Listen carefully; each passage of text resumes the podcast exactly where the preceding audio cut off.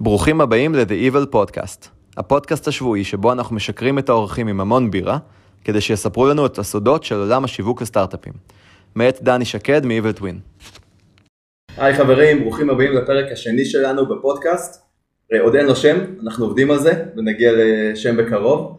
ג'ודי, if you have a name for our podcast, uh, let us know if something comes up uh, during I'll the let you podcast. know, $500. Excellent, send me the חשבונית later. אה, אז אנחנו פה עם עמית מ-Evil Twin, אהלן אהלן. מה העניינים עמית? בסדר גמור. ואנחנו מתכבדים מאוד לארח את אה, ג'ודי. אה, מה העניינים ג'ודי? תודה, אני מאוד מתרגשת להיות פה, תרתי גם. אנחנו, תודה רבה, שמחים שאת פה. אז בואו נקפוץ ישר לעניינים. תוכן, כאילו קונטנט הוא האספקט הכי חשוב במערך השיווק, ונשענים עליו כל האסטרטגיות והפעולות השיווקיות, וכל כך הרבה פעמים הוא נכתב על הדרך, את בטח מכירה את זה. אה, פשוט תנסו להקים איזושהי אסטרטגיית שיווק בלי מסג'ינג, ותבינו שאי אפשר להתקדם צעד אחד בלי זה. זה פשוט לא עובד, וכל כך הרבה פעמים זה נכתב אחרי שהאתר כבר בנוי, או כסעיף שמוסיפים אותו על הדרך כשכבר לקחו איש אה, דיגיטל או כד- וכדומה. אז בואו נדבר קצת ובואו נבין את החשיבות של התוכן, בשביל זה אנחנו פה היום. אז אה, תספרי לנו קצת אה, איך בעצם נכנסת לתחום ומה עשית לפני כן, קצת על ההיסטוריה. אוקיי, אז אני אתחיל מהסוף ואז אני אחזור להתחלה, בסדר? אני עובדת בקופי כבר בערך איזה 25 שנה. אה, ההתחלה שלי התחילה בבית עם אבא שלי, אבא שלי כותב, הוא כתב כמה ספרים, הוא גם כתב שירה. והוא היה מחביא את השירה שלו, וכל פעם שההורים שלי היו יוצאים מהבית הייתי מתגנבת וקוראת את השירה שלו. ואז אני התחלתי לכתוב בגיל מאוד צעיר, אה, בסביבות גיל שבע, התחלתי לכתוב יומן בשירה עד בערך גיל עשרים ומשהו, וואו. וגרתי באנגליה, ולפני שבאתי לארץ הלכתי לעבוד, חיפשתי עבודה והתחלתי לעבוד בחברת Saatchi and Saatchi. במקרה, זה סתם קרה לי, זו חברה מאוד מפורסמת, חברת פרסום. אה, הייתי מזכירה שם, זאת הייתה העבודה הראשונה שלי, ושמו אותי ליד אה, הקריאייטיב, במקרה. ואז שמעתי שם את כל התהליכים שלהם, והתעניינתי מאוד בזה, ואז הייתי הולכת הביתה בלילה, והייתי משגעת את אבא שלי לחשוב על סלוגנים. ושנינו היינו חושבים כל הזמן על סלוגנים, ויום אחד באתי לעבודה, ואמרתי, חשבתי על כל הקמפיינים האלה, ויש לי רעיונות, ואז כאילו הסתכלו עליי, טוב בסדר, תביא, אז הבאתי אותם. ואז הם פתאום, שמתי לב שהם מקשיבים לי, ואני הייתי בשוק מזה, ואז ראיתי את העבודה שלי על קאפות. את המחשבות שלי, את הסלוגן שלי של ה, על העבודות שלהם, על קאפות. והם לקחו את הסלוגנים שלי, והלקוחות שלהם לקחו אותם. וואו, זה סיפור אמיתי. Saatchi and Saatchi בלונדון. מדהים. כן, ואז אה, סיפור ארוך קצר, אני באתי לארץ, לא תכננתי את זה, אבל זה קרה. והייתי צריכה למצוא עבודה, אז מצאתי את עצמי בהייטק. מצאתי את עצמי בהייטק כמה שנים, אה, גם התחלתי כמזכירה כי הייתי צעירה והייתי צריכה להעביר כסף, הייתי לבד בארץ, ואז אה, מישהו פנה אליי פתאום ואמר לי, תקשיבי, את חייבת לעבוד ביחסי ציבור. ואני אמרתי, סבבה, לא ידעתי בכלל מה זה יחסי ציבור. יום אחד אחרי ארבע שנים בהייטק אה, מצאתי איזושהי פרסומת של מישהו שחיפש עבוד, איזה עובדת, פניתי אליהם, הם הזמינו אותי לראיון עבודה, ואז הם אמרו לי, את נראית לנו פיקס באישיות שלך, את יודעת לכתוב? ואמרתי להם, כן, אני יודעת לכתוב, אבל לא חשבתי להשתמש בזה בעבודה, כאילו חוץ ממה שקרה לי ב Saatchi Saatchi. ואז הוא אמר לי, יופי, אז תכתבי לנו שתי press release ים. אמרתי, סבבה, יצאתי מהראיון העבודה, ואז התקשרתי לחברה שלי שעובדת ביחסי ציבור, ואמרתי לה, מיכל, מה זה press release? ואז היא סיפרה לי, ואז הסתכלתי באינטרנט, עשיתי גוגל, מצאתי press release ים, אז אמרתי לעצמי, טוב, אני יכולה לכתוב press release. אז כתבתי שני press release ים, אה, הבאתי אותם לחבר'ה, ואז הם אמרו לי, you're hired. וואו. כן, ואז לקחו אותי לעבודה הזאת בלי ניסיון, ואז אמרו לי, את כותבת עכשיו את כל התוכן השיווקי שלנו, את כל הכתבות שלנו, כל החברות הייטק שלנו, כי יש לך גם קשרים בהייטק, עבדת ארבע שנים בחברת דלתא שלוש, שזו חברה מטורפת של החברה הראשונה של voice over IP, והיו לי מלא קשרים, במקרה, כן? לא בכוונה, כאילו בגלל שהייתי מזכירה שם, ביקרתי מלא אנשים, והתחלתי לכתוב תוכן, והכתבה הראשונה שלי שכתבתי אה, עלתה על השער של סינט. וואו. שאז מדהים, מדהים. אני בכלל לא ידעתי מה זה סינט, וראיתי את כל המשרד בחגיגה גדולה, ואז אמרתי לעצמי, אומייגוד, there must be something here. כאילו, יש לי, אני יודעת שיש לי את הכישרון מהבית, אני עכשיו עשיתי כמה שנים בהייטק, אה, יש, כאילו, אני יכולה, לה, אני יכולה להשתמש בכלי הזה בחיים המקצועיים, המקצועיים שלי. ועבדתי שם זמן קצר, וקצת אה, הרגשתי שמציתי, והייתה שם בחורה שעבדה במרקום. ואז אמרתי, יואו, אני נדלקת על המרקום הזה, בא לי מרקום. והלכתי לאיזושהי סדנה, ואמרו לי שאני צריכה לדבר מול קהל, ולא ידעתי מה להגיד, אז אמרתי, אני מחפשת עבודה במקום. ואז התיישבתי חזרה במקום שלי, והבחורה לידי אמרה לי, אני מחפשת מישהי במקום. והיא עבדה בחברת, אה, באיזושהי חברת הייטק, ועד היום אני בקשר איתם, ואני גם עובדת איתם, זה היה לפני עשרים ומשהו שנה. ואז התחלתי לעשות מרקום, ואז בעצם למדתי את כל התהליך הזה מהגראונד אפ, כאילו היה לי גם קופי, היה לי גם um, יחסי ציבור, הבאתי את עצמי לכל מה שהיה קשור למיתוג של המוצרים, השמות של המוצרים, החום השיווקי שלהם, הברושורים, התערוכות שלהם, הסלוגנים שלהם.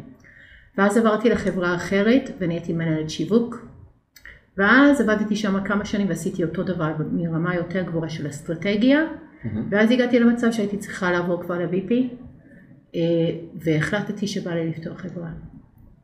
ולקחת את כל הידע שיש לי ולמכור אותו אה, כשירותים שיווקיים, שלא משנה מה, אם זה מרקום, יחסי ציבור, קופי, אה, אסטרטגיה שיווקית, אה, פענוח של ה-competitive advantage וכל זה, ובסופו של דבר רוב הלקוחות שלי ב-20 שנה, the last 20 years, רצו קופי. ואני מתמקדת בקופי ואני מביאה איתי את כל הידע שיש לי בשיווק לתוך הקופי הזה, שזה איזשהו ערך מוסף. אה, כי צריך להבין את כל התהליך הזה, זה לא רק קופי, קופי הוא בעצם הדבר האחרון בשרשרת שאתה בונה messaging. נכון מאוד. זה reverse engineering, הקופי האחרון. לפני זה יש לך את הפלטפורמה של ה messaging, לפני זה אתה צריך להבין את ה-go to market, ולפני זה את האסטרטגיה של החברה. ואם יש לך את כל ההבנה הזאת, אז בסוף אתה יכול להביא קופי שהוא קולע, הוא לא סתם מילים יפות, הוא מבין את כל התהליך הזה, והוא מבטא את החברה בצורה הכי מדויקת ומזוקקת שיש. זה כל כך חשוב, כי הרבה פעמים מתחילים מהסוף, ורק לא. מייצרים את השכבה האחרונה, ואז היא לא עומדת לשום דבר, זה כמו בניין בלי יסודות. זה לא קולע, זה לא מוכר, אנשי מכירות לא יכולים להשתמש בזה. זה לא מתאים לחברה גם. זה לא מתאים לחברה, ואז בעצם החברה צריכה לעשות את כל, כל התהליך הזה שוב, כי לא עשו את זה מהיסוד. נכון. אז זאת, אה, זה בדיוק סגווי מעולה ל... בוא נדבר שנייה אחת מה זה מסג'ינג פלטפורם, מה זה פלטפורמת מסרים. אם את רוצה תדמייני חברה מסוימת שאת עובדת איתה, או, אה, או, או כל מה שעוזר לך כדי להגדיר מה זה באופן כללי. איך את מסתכלת על זה? אז אני שוב, אני אגיד שזה reverse engineering בצורה קצת שונה. מסג'ינג אה, פלטפורם בתכלס, בקישקס שלו, אוקיי? זה כל מיני מסרים, אה, מסרי מחץ, זה הסוף, זה תמיד חייבים לעשות reverse engineering. אז מסג'ינג פלטפורם זה בעצם להגיד אמ, מי אתה, מהסוף, כן? אני הולכת מהסוף. מי אתה, מה אתה מוכר, למי אתה מוכר את זה, מי נמצא בשוק שלך, מה יש להם שלך אין. הם זה מתחרים? המתחרה שלך, אתה לא יכול לעשות מסג'ינג בלי לדעת מי זה המתחרה שלך. אתה חייב לפתוח, כאילו להרים את הראש מהשולחן שלך, לצאת מהקופסה ולהסתכל מסביב ולהבין איפה אתה נמצא, נמצא בתוך ה ecosystem הזה, ומה בעצם אתה מציג לעולם ולקבל גם החלטה אסטרטגית האם אתה אה, מציג משהו שהוא יש בו בידול או אם הוא me too. זה בסדר להיות me too אבל אתה צריך להודות בזה שאתה גם me too. אוקיי? אבל רוב החברות גם אה, מחפשות את, הב, את הבידול שלהם בשוק ואם אתה יכול, אם זה לא רק נופל על מחיר, מאוד מאוד חשוב אם לא הכי חשוב למצוא את הבידול שלך ואז מעל זה אתה בעצם בונה את כל הסיפור שלך כלפי חוץ אה, לכל הפלטפורמות הקיימות. אם זה נופל על אתר אינטרנט, אה, הפרזנטציות, אה, מסרים שאומרים אה, בתוך תערוכה, פרסומות. messaging platform זה איזשהו foundation שהוא חייב להיות solid, מזוקק, מדויק ופוגע בכאב שקהל היעד שלך כדי שהוא יעבוד וכדי שאנשים שעובדים במכירות יכולים להישען עליו כדי למכור את המוצר שלך.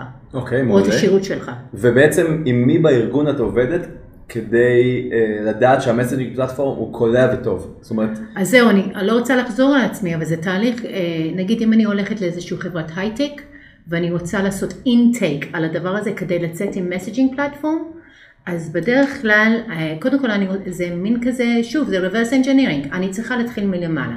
אז אני מדברת עם המנכ"ל, אני רוצה להבין את הראייה, השיווק, הראייה האסטרטגית שלו, של החברה, מה ה business של החברה, אה, מה ה... אה, מה ה vision של החברה הזאת ואיך הוא רואה את החברה המתקדמת. אוקיי? ואז אני רוצה לשמוע... שזה בסופר מקרו, ואז את עוברת... אה, אם אתה רוצה לבנות משהו שהוא מבוסס ויש לו foundation חזק והוא ימכור, אתה חייב mm-hmm. קודם כל להבין את ה vision הכללי. אחר כך אתה יורד רמה, ואז אתה מדבר בעצם על bizdev, אוקיי? business development. איך אתה רוצה להגיע לשוק? איזה channel ים אתה רוצה להגיע? באיזה vertical, לאיזה vertical ים אתה פונה? ואחרי שאתה עושה את זה אתה יורד עוד רמה, ואז אתה אומר, ספרו לי על המוצרים שלכם, מה הם, מה הערך שלהם, והכי חשוב, איזה כאב אתה פותר אצל המשתמש שלך. והרבה חברות שוכחות את הדבר הזה, ונדבר על זה יותר מאוחר, אבל כאילו, מה הצורך של המוצר שלך בעצם? זה סבבה שיש לך מוצר שהוא וואו, אבל מה הוא פותר? ושאתה אוהב אותו, ושאתה מבין מה הוא עושה. סבבה שאתה אוהב אותו, אבל איזה בעיה המוצר הזה פותרת בעצם, או השירות הזה פותר, ולמה זה פותר? האם זה משהו שהוא יותר זול, אם זה משהו שהוא יותר יעיל, אם זה יותר משהו שהוא יותר יוזבילי, אה, אם זה משהו שהוא, לא יודעת, יש אלף סיבות, צריכים לפרנח את כל הסיפור הזה, ואז יורדים לשיווק. ואז אומרים, אוקיי, אני רוצה פרזנטציה מהאנשים בשיווק, תמכרו לי את המוצר, ספרו לי את הסיפור שלכם ותשכנעו אותי. ואז אחרי כל זה יורדים למרקום, איך אתם מגישים, איך אתם מגיעים לתוך השוק הזה, באיזה, which avenues do you want to uh, touch on, אוקיי? Okay? אתם הולכים לתערוכות, מי נמצא בשטח, מה המתחרים שלכם אומרים, זה ממש רובדים של, uh, רובדים של um, תבואי לי את המילה בעברית. זה, זה פשוט שכבות של... שכבות של שכבות של שכבות. ומה זה מסג'ינג? הוא בא בסוף. אחרי שהבנת... הוא מזקק את כל המסרים ביחד. הוא מזקק את כל הראייה, כל ה vision, כל הבידול, כל השוק, כל המתחרים, כל ההחלטות האסטרטגיות, ואז אתה מזקק את זה למסר, ומסר זה לא copy. copy זה בא אחרי המסר. copy, מסר זה אומר מה אני רוצה להגיד, ו copy אומר איך אני רוצה להגיד את זה, ואז מדובר בטון voice. בדיוק. וזה גם עולם ומלואו. אמ, אז דיברנו על ההבדל בין messaging אה, ל copy. כן. אמ, בוא נדבר שנייה אחת על, ה... על איך חברות מגיעות אלייך, באיזה מצב הן בדרך כלל נמצאות, אוקיי? אה, כי אנחנו רואים שאנחנו מתחילים איזשהו תהליך של שיווק אסטרטגי או אה, שיווק בדיגיטל עם חברה מסוימת, סטארט-אפים וחברות טכנולוגיה, ומגיעים עם מוצר מדהים, אה, מגיע product manager או, או, או פשוט ה-CEO או ה-CMO והם באים ומתחילים להגיד אנחנו צריכים שיווק ורוצים לעשות ככה וככה וזה הרבה פעמים לא נשען על מסג'ינג מסודר, זה נשען על מוצר מדהים שפותר בעיה, הם היו בצבא ביחידה מסוימת והם בנו דברים דומים ועכשיו הם מוצאים את זה לשוק האזרחי אז תספרי לנו איך בעצם את ניגשת כש, כשבא בן אדם, כאילו ויז'נרי, עם, עם, עם חלום ועם אה, חזון קדימה, איך את מפרקת את זה? דיברת פה על הרבה דברים, אה, בגדול, על SWOT ועל אה, Competitors Analysis ועל הסביבה של הארגון והרמה של המוצר ואיזה כאב הוא בא לפתור, אז איך את מתחילה? מאיפה, מה, מה השלב הראשון? אוקיי, okay, אז אני הסברתי את התהליך עצמו עכשיו, אני, אני לא רוצה לחזור על זה, אבל כל חלק מהתהליך הזה זה עולם ומלואו, בסדר? והרבה חברות מגיעות אליי מהמון המון מצבים שונים, אוקיי? גם נגיד, חברות עשויות שגייסו כן, מאות יש המון מיליונים. בוא. נגיד אני ב-20 שנה האחרונות, אה, עבדתי עם מלא מלא חברות, מהכי גדולות להכי קטנות, באמת מפלצות. אה, זה, כל אחד זה הסיפור שלו. יש חברה מאוד מאוד גדולה נגיד, שה messaging שלה היא כבדה ומיושנת והיא רוצה לחדש, אוקיי? ואז צריך לעשות rebrand, אוקיי? rebrand זה לא לעשות branding מההתחלה, זה לקחת משהו ולהבין את הפער, את הדלתא בין מה שהיה למה שאתה רוצה להיות, ומה כואב לך פה ולמה זה לא מוכר, ואיך אני יכול לזקק לך את המסר, או איך אני יכול להביא אותך לכיוון אחר, או לוורטיקל אחר, או לשוק, לשוק אחר. כי לפעמים חברות הם 20 שנה בתוך הדבר, אה, בתוך העבודה, ואז הם חייבים לחדש משהו כי הם לא מוכרים, או שהשוק השתנה והם צריכים לעשות שינוי טכנולוגי, חברות גדולות נגיד, וזה ריברנד. אוקיי, okay, מעולה. אגב, זה ממש מעניין שאמרת את המילה פער, כי בפרק הראשון יואב מאפיק ברנדינג אה, היה פה ודיבר בדיוק על זה. מתי עושים rebrand?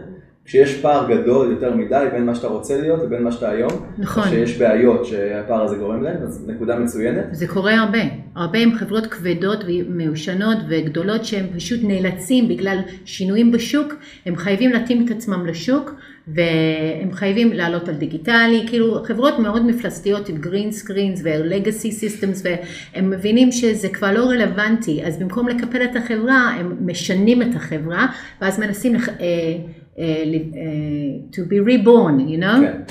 האמת היא שעשיתי תהליכים כאלה המון פעמים עם אותן חברות. אה, עם אותה חברה? כמה כן. תהליכי rebranding? כן, כל שלוש. ארבע, חמש שנים, כי יש להם טכנולוגיה והם כל הזמן משנים את הטכנולוגיה לפי, לפי התזוזה בשוק. זה מזכיר גם את מה שאנחנו יודעים עליהם עכשיו.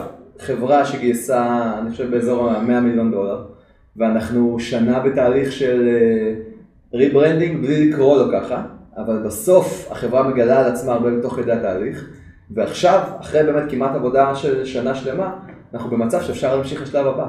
נכון. ואם לא, אם החברה לא הייתה עושה את זה פנימית, אז לא, מה שהיינו בונים לא היה רלוונטי, לא היינו יכולים להתקדם. נכון, ולפעמים, אה, במיוחד בסטארט-אפים בהתחלה, כי שזה הצד השני של הספקטרום נגיד, לפעמים יש סטארט-אפ ויש להם מוצר, והם יודעים שהם מוצר טוב, אבל הם לא בדיוק מבינים כאילו מה הצורך בשוק, ואז פתאום בא לקוח אחד מפלצ, כאילו מפלצתי, ואז הם אומרים, אוקיי, בוא נלך על השוק הזה, אוקיי? ואז הם מבינים שכל ה vertical הזה הוא בעצם השוק שלהם, כי הם צריכים את זה כדי לגייס כסף, אז, כי הם רוצים שיהיה להם מכירות.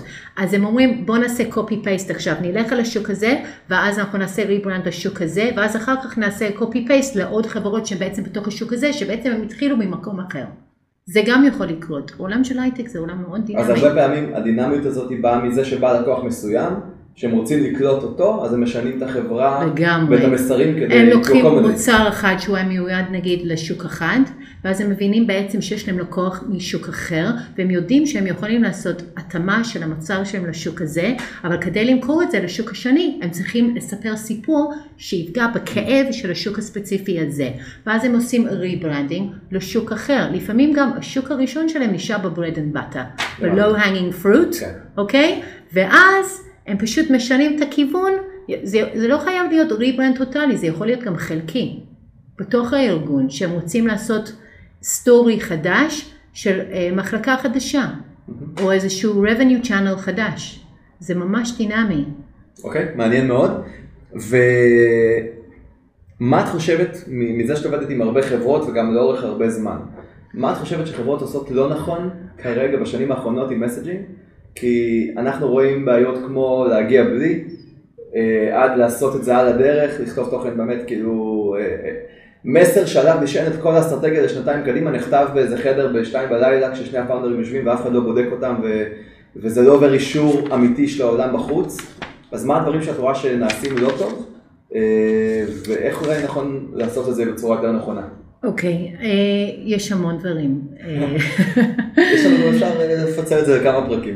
יש המון דברים. אה, אני יכולה להגיד שבמיוחד בסטארט-אפים הישראלים, האופי של סטארט-אפ ישראלי, אין לו כוח עכשיו לעשות פרוסס מעמיק, אוקיי? הם רוצים quick and dirty. אין להם כוח לזה כי אין להם זמן לזה, וחלק מזה זה בצדק, אני לא מאשימה אותם.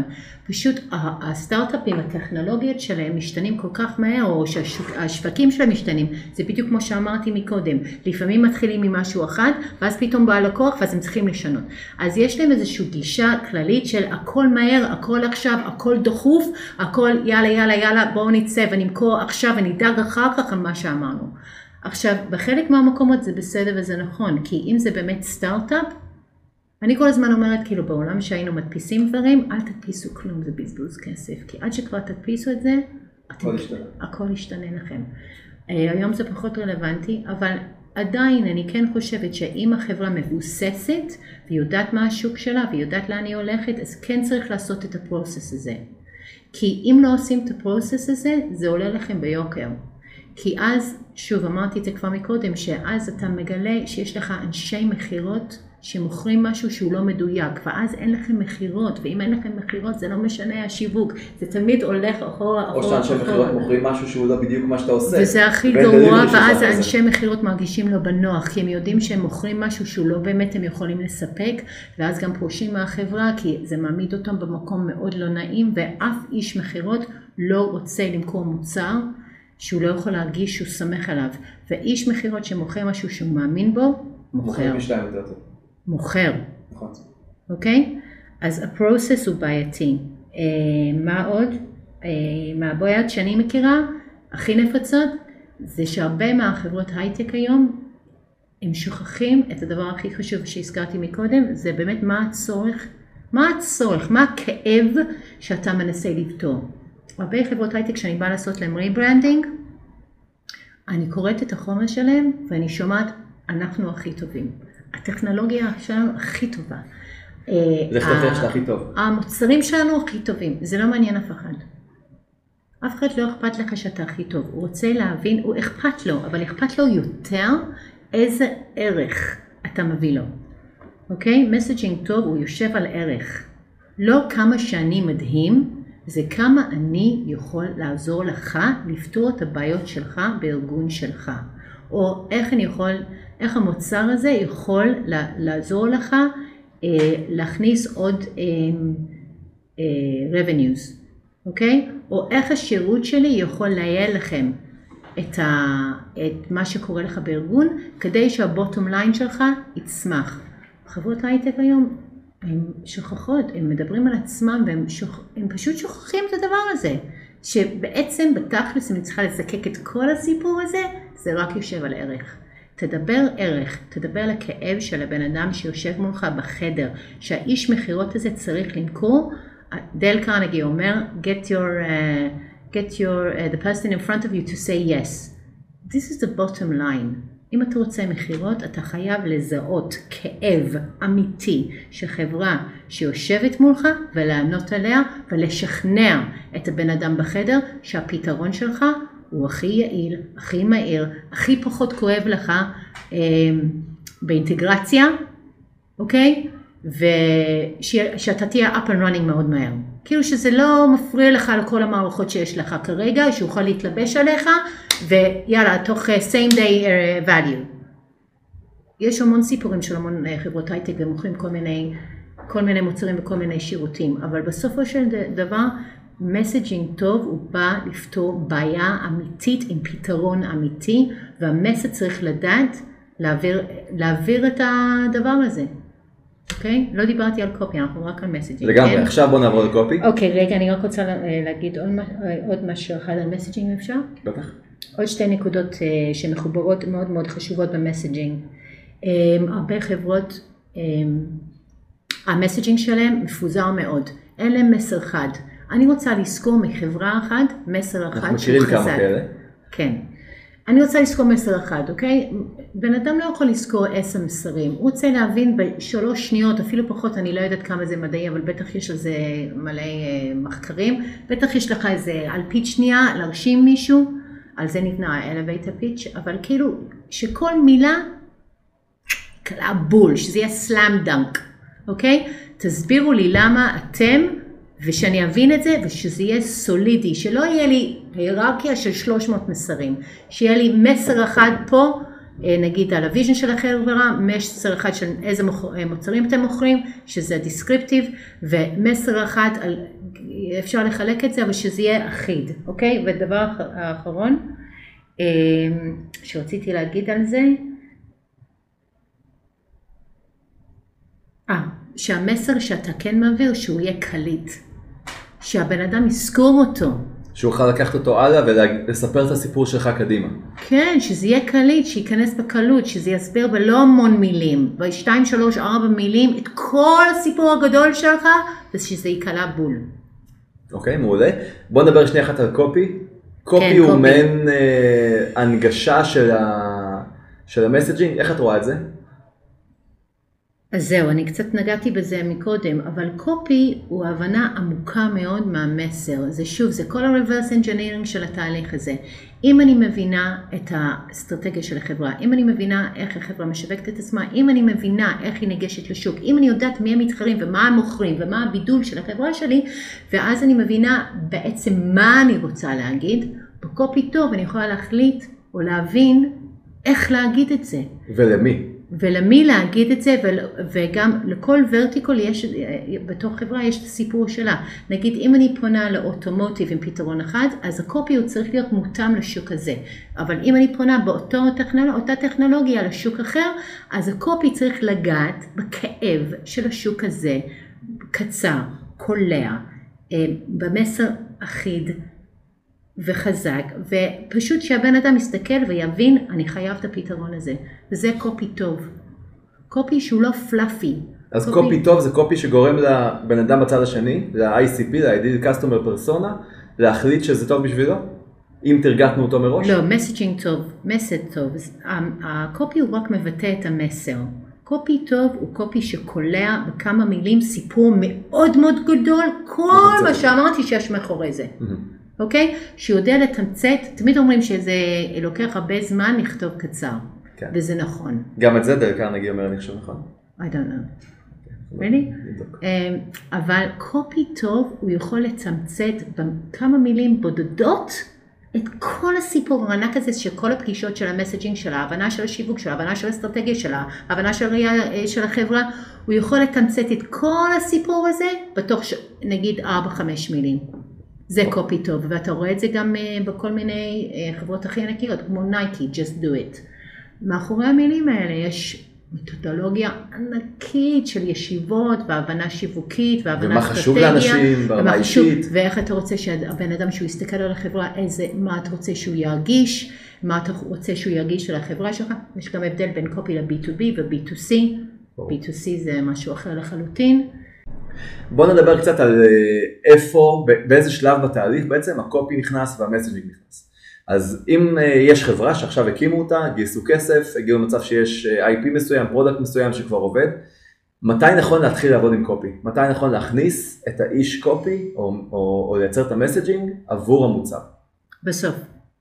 copy הוא בעצם התמצית, הוא הזיקוק של כל התהליך הענק שהלך לפני זה, כמו שהסברתי מקודם, הוא ה-window dressing, הוא הביטוי של כל התהליך הגדול הזה שעשית מקודם. ואם לא עשית את כל זה מקודם, אתה תעשה אותו שוב ושוב ושוב ושוב עד שאתה מזקק את המסר שלך.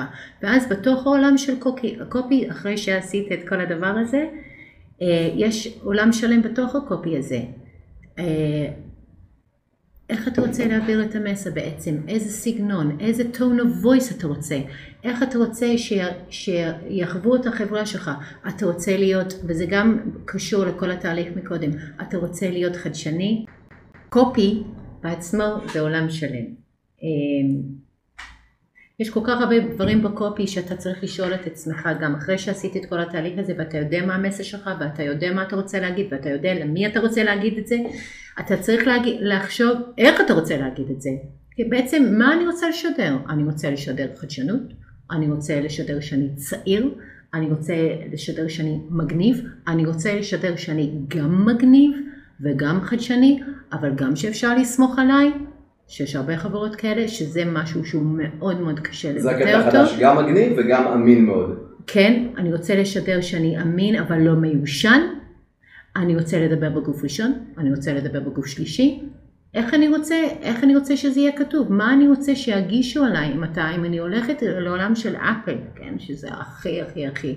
גם copy צריך לדבר עם ה visual, אי אפשר להפריד ביניהם. אני צריכה, כשאני כותבת copy, אני חייבת להבין את כל השאלות האלה, ואז אני חייבת לדעת שה visual הוא מדבר אותה שפה עם ה copy. אם ה visual הוא משדר יציבות, אני לא יכולה לדבר במגניבות. זה חייב לת... לקשר אחד לשני, זה חייב להיות הרמוניה. בדיוק, זאת נקודה מאוד חשובה, שכשאתה מביא מעצב ומביא חברת בניית אתרים, לפני שיש אסטרטגיה וקופי כמו שצריך, אז אתה יוצא עם אתר לא מאוזן. נכון. יוצא עם מערכת מסרים שיוצאת, ש... קופצת במקומות מסוימים במקומות לא נכונים, או לא נשענת באמת על הבסיס של מי אתה, מה אתה. נכון, ו- וזה... ואז העיצוב הוא מגניב כי מישהו רצה עיצוב מגניב, אבל זה לא נראה כמו שצריך. בסופו של דבר messaging הוא שידור אחד של אה, איזושהי חוויה שהיא חייבת להיות אחידה, אוקיי? המסר צריך להיות אה, אחיד עם ה visual וה visual צריך להיות אחיד עם ה copy והטיפוגרפיה. גם משחקת עניין, כי איך שאני כותבת כמו באפל, אם אני כותבת שלוש מילים עם נקודה על רקע לבן, אני מבהירה משהו שאני אולי לא מדברת אותו במילים, אבל אני מבינה אותו מכל כל החוויה שלי בתוך האתר. ובתוך הדבר הזה שאני נמצאת באתר אינטרנט, אני מבינה לבד את מה שהחברה רוצה לשדר לי. ו copy טוב, ב tone of voice נכון, עם ה visual הנכון, עם הטיפוגרפיה הנכונה, משדר לבן אדם חוויה. ומתוך החוויה הזה הוא יכול להרגיש אם הוא רוצה את המוצר, רוצה את השירות או לא. אז מתי את חושבת אה, שכאשר ניגשים לבנות אתר, מתי נכון להכניס את הקופי? אה, ממש כ- כבסיס ל-wire frame, עוד לפני שמדברים על עיצוב? אה, זו שאלה מאוד קשה לענות עליה. אם אני לוקח ומותח קו בין הפרויקטים הבאמת מאוד מוצלחים שלנו לאורך הזמן, הם פרויקטים שהקופי נכנס כמה שאתה מודע, בצורה ממש. תמיד זה chicken and egg, אוקיי? כל פעם שאני עובדת עם, אני עובדת עם הרבה חברות עיצוב ועם הלקוחות שלי, וזה תמיד chicken and egg, וזה עם כל גרפיקאי זה אותו, אותו סיפור. הם אומרים לי, את תביאי לי את הקופי ועל זה אני אבנה את ה-wire frame. ואז יש חברות שאומרים, רגע, אני אעשה את ה-wire frame ואת תכתבי את הקופי לתוך ה-wire frame, אבל זה פחות מעניין. אפשר לעשות גם וגם. שוב, קופי זה פשוט הביטוי האחרון. הכי חשוב זה להבין מה אני רוצה לשדר. הכל בנוי על מסר, גם הגרפיקה בעיניי, גם העיצוב, גם הגישה על איך אני, מגיע, איך אני מגיעה לשוק, הוא מבוסס על חוויה, על תדמית. איך, מה אני רוצה שהמשתמש הסופ, הסופי או החברת Enterprise B2B, מה אני רוצה שהוא יבין עליי. visual ו messaging ו copy הוא צריך לבוא יחד, ההחלטה שלה צריכה לבוא יחד. אם אני אכתוב את זה לפני או אחרי זה פחות מעניין, אבל חייב להיות איזשהו unification של כל המסר הזה, וזה מביא אותי להתחלת הסיפור. אם ה window dressing שלי, עם האתר שלי, והמסר שלי, וה copy שלי, והטיפוגרפיה שלי, משדר אותו מסר שהוא בנוי על הבנה של המוצרים שלי, שהוא בנוי על הבנה של השיווק שלי, שבנוי על הבנה של האסטרטגיה שלי, שבנוי על הבנה של החזון של החברה, אם אני הצלחתי לפענח את כל זה, יש לי אנשי מכירות שיודעים להיכנס לפגישה ולמכור. חשב... וזה כל העניין ב copy ו messaging ושיווק ומכירות. כי כל חברה בעצם רוצה למכור, היא רוצה שיהיה לה אה, אה, שוק, היא רוצה להתמודד עם מתחרים, היא רוצה להראות שיש לה בידול והיא רוצה להיכנס לפגישות שהיא יודעת שהמתחרה שלה הייתה שם קודם ושהמתחרה יבחר אותה. ואם הכל טייט ועבדתם מהיסוד של החברה ועשיתם את כל התהליך הזה והגעתם ל copy שקולע, המסרים שאפשר לסמוך עליהם, שאנשי מכירות יכולים להשתמש בהם, ויש לך sales tools ו sales kit חזק, אז יש לך משהו למכור. גם אם הוצאה פחות, אפילו אם עשיתי את כל התהליך הזה, יש מצב שתמכור. אני לא יודעת אם אפשר לש... לשמר את הלקוחות, אבל במאני טיים אתה תמכור. חשבתי לסכם את הדברים, ככה להכין איזשהו סיכום משלי, אבל סיכמתי את זה הכי טוב שאפשר. אני רק אוסיף שהדברים צריכים להתרכז סביב, סביב בעצם להבין איזה כאב אני בא לפתור, איזה כאב יש ללקוח שלי על בסיס יומי, ולדבר פחות על כמה אני מדהים, אלא הרבה יותר על איך אני עוזר לך, ללקוח, בבעיה שלך. לא פחות על כמה אני מדהים. לא... תן ללקוח שלך להבין לבד שאתה מדהים על ידי זה שאתה נותן לו פתרון שפותר את הכאב שלו, ועוד טיפ מההתחלה, יחסי ציבור תמיד יותר טוב מפרסומת. יחסי ציבור זה שמישהו אחר, לקוח שלך, נגיד נותן case study, שאולי הצגתם באיזושהי תערוכה, והוא מספר שכמה שאתה מדהים. תמיד זה עדיף. שיווק זה דבר שעושים אותו בטיפ-טיפות, הוא משהו שאתה צריך לטפטף אותו, הוא לא משהו שהוא בנוי בלילה, זה טפטופים ביחסי ציבור, זה טפטופים, שם כל הזמן. זה כל הזמן להיות בתודעה, אפילו קוקה קולה היום. הם זה מה שהם. עושים, רק להיות בתודעה, הם לא מבינים אוקיי? שום דבר חדש. כל הזמן. למה? למה עושים שיווק? עכשיו אני אה, נכנסת קצת לראש של שיווק, אם זה בסדר. למה עושים שיווק? כי אתה רוצה להקל את האיש, על האיש מכירות. אוקיי? אתה משווק, משווק, משווק. הוא ראה אותך בתערוכה, הוא קרא עליך כתבה, הוא שמע עליך בזה, מישהו אמר את השם שלך, הוא שמע אותה, מישהו מדבר אליך, הוא ראה שעשית פרסומת בגוגל, ואז הוא מגיע לתערוכה, הוא מגיע לפגישה והוא רואה אותך, ואז הכניסה של האיש מכירות לחדר הוא יותר חלק, כי יש הכנה מאחוריו, יש את כל, המע... יש. כל המערכת המפלצתית הזאת מאחורה, שהוא מקל על האיש מכירות להיכנס לפגישה, להשתמש במסרים שמבוססים על כל הדברים האלה, ו- to get a slam dunk and to sell. That's מדהים. good copy.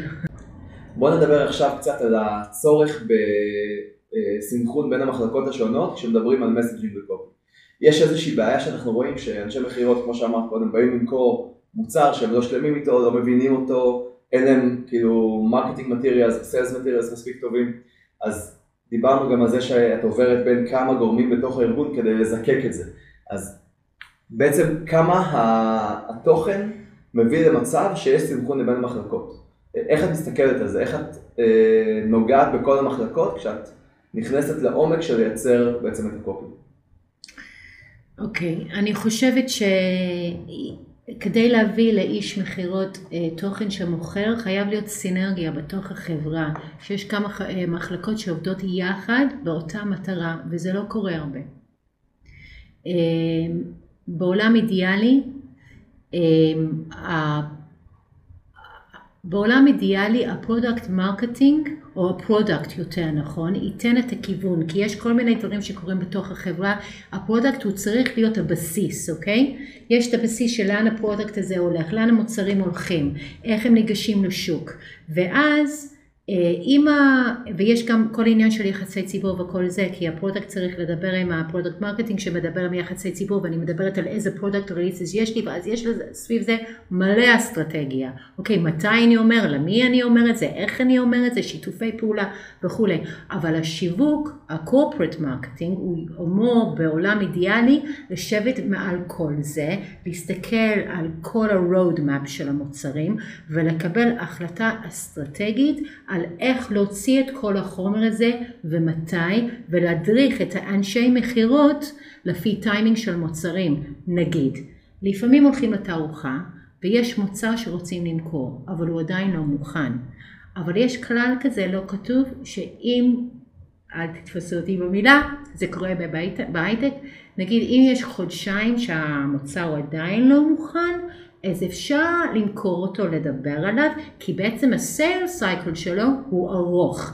אז עד שבן אדם רוצה את המוצר, עד שהוא נכנס לתוך ה-sales cycle, אז המוצר כבר יהיה ארוך. אבל אם אתה הולך עם מוצר לשוק שהוא לא מוכן, ואתה מוכר אותו, אתה שם את האנשי מכירות במצב מאוד מאוד לא נעים, שהם מכרו משהו שמצפים עליו, ואז זה גורם לחוסר אימון בחברה, לחוסר קרדיביליות, ואז זה עושה damage בעצם לחברה שמנסה למכור, כי יש לה מוניטין שלא מדלברת. יש לפעמים גם חוזה על השולחן ואז החברה כאילו נכנסת ללחץ כי היא צריכה לדלוור בטא שאין לה את המוצר עצמו. אז הכל חייב להיות בסינכרון מוחלט בתוך החברה, שאלו המוצרים שלנו, זה הטיימינג של המוצרים שלנו, אנחנו יוצאים ב product marketing לכל התהליך הזה, ואז השיווק הקורפרט משדר את זה ואורז את כל זה בחבילה לפי הטיימינג שמתי המוצרים האלה יוצאים לאנשי מכירות כדי שהם יכולים להיכנס לפגישה ולהרגיש בנוח עם מה שהם מוכרים וכדי שיהיה קרדיביליות לחברה. ושוב אני חוזרת כי זה פשוט אותם דברים. איש מכירות חייב להרגיש שהוא מוכר משהו שהוא מאמין בו ושהוא יודע שהוא לא יתפדח שהוא לא ירגיש לא בנוח שהוא בעצם אין לו מה למכור. ברור. להאמין במוצר. להאמין במוצר ולהאמין שאפשר לדלבר את המוצר ולהבין שלא יהיה פשלה אחרי, זו הרגשה לא נוחה. ושאתה לא, מוצר, שאתה לא מוכר מוצר שהוא באוויר, אולי עוד חודשיים יעלה. נכון. אנחנו יודעים שדברים מתעכבים גם. ו- נכון, יש גם כל מיני סיפורים סביב הדבר הזה. אם אתה חברת הייטק, לפעמים זה לוקח יותר זמן. אתה צריך להחליט מתי אני הולך לשוק עם המוצר הזה, מתי אני רוצה להוציא על זה press release, מתי אני רוצה, רוצה לדבר על זה בתערוכה, מתי אני רוצה לכתוב על זה כת, אה, כתבות, האם יהיה לי case study, מתי אני, כל עניין של אסטרטגיה ו-road map שהוא חייב להיות ב match. ואם שני הדברים האלה הם ב match, אז השיווק ה corporate יכול להרגיש שהוא יכול לארוז אותם באיזשהו sales kit יחד עם ה product שמביא את כל החומר הזה, כי הבסיס של זה זה בא מהפרודקט. הפרודקט יודע מה ה-road map שלו. אז שתי המחלקות האלה חייבות לעבוד בסינרגיה, וכשיש חוסר סינרגיה זה פוגע באנשי מכירות. So Jody, now Yes. let's like do a simulation that we have a company. Her name is, and uh, they want us to generate to create messaging platform. What are the phases exactly? Shoot.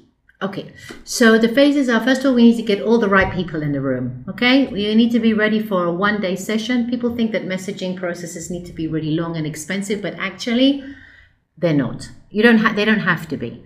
Uh, you need to bring all the right people in the room. So you usually need to have, if possible at all, the CEO because he can give the vision of the company and the and the strategy. Then I would like to have the business development guy in the room because he can tell me about all the markets and where the right partners are and where the right customers are, and he can tell me about that. And also maybe he can also tell me a little bit about the competition. And if he can't tell me about the competition, then I want to talk to the marketing guy because I want to hear about how they've been marketing up until today and where they think they're falling short and what's happening with their salespeople. excuse me and why they think that they need that messaging. And then the best thing in the room is to get the product guys in, okay? Because they can talk to me about the product. They can tell me this is the product that we're selling. These are the features of the product that we're selling. These are the pains that the product that we're selling solves. And this is the value of the product, which is the most important thing to the person who wants to buy it because I'm I'm solving a pain that he feels, which will enable him to sell and get more revenues because he wants to increase his bottom line because he doesn't want his investors to leave So him. everything Okay. takes like So- it can take up to one day.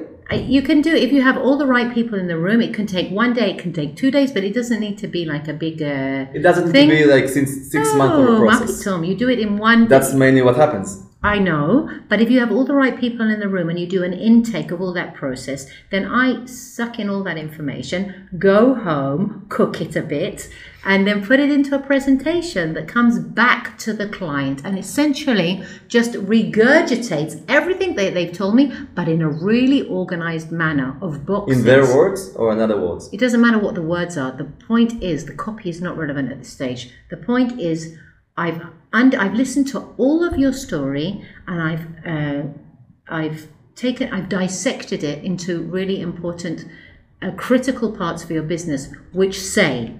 This is my company. This is what I'm selling. This is my value prop, and this is what I'm bringing to the market. My products do this. The features are this, and you need to work with me because of my differ market differentiation because if you do you'll be able to do whatever it is I want you want to do okay? I bring you all those messages. Once those messages are approved and we understand that that is the foundation and we got to the nuts and bolts in an organized manner of what the company offering is what product I'm bringing to market and what the value is then we can talk about how do we want to express that so, do we want to talk about, do we want to be, and I said it before, do we want to be innovative? Do we want to be reliable? Do we want you to feel that you can trust us? Do we want to feel, uh, you know, there's so many different descriptions for that. Then you need to talk about the tone of voice. And then when you get to an understanding of how you want to be, um,